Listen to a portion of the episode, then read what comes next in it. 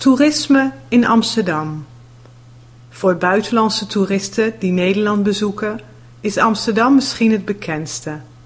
Het centrum van Amsterdam is levendig en de grachten zijn de moeite waard van het bezoeken. Een toerist moet zeker rustig rondlopen door het centrum van Amsterdam om van de sfeer te genieten.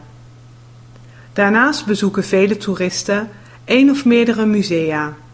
Het Rijksmuseum is beroemd om zijn schilderijen en andere kunstvoorwerpen. Het Van Gogh Museum en het Anne Frank Huis zijn ook populair. Er zijn echter nog vele andere musea interessant om te bezoeken in Amsterdam, afhankelijk van de interesse.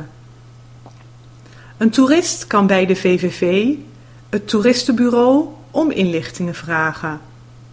Zelf zou ik echter een toerist die sportief is aanraden om een fiets te huren op Centraal Station en met de pont het ei over te varen richting het noorden. Vanuit daar kun je richting Marken fietsen. Een schitterende tocht door de polder naar het IJsselmeer. U kunt genieten van een typisch Nederlands landschap.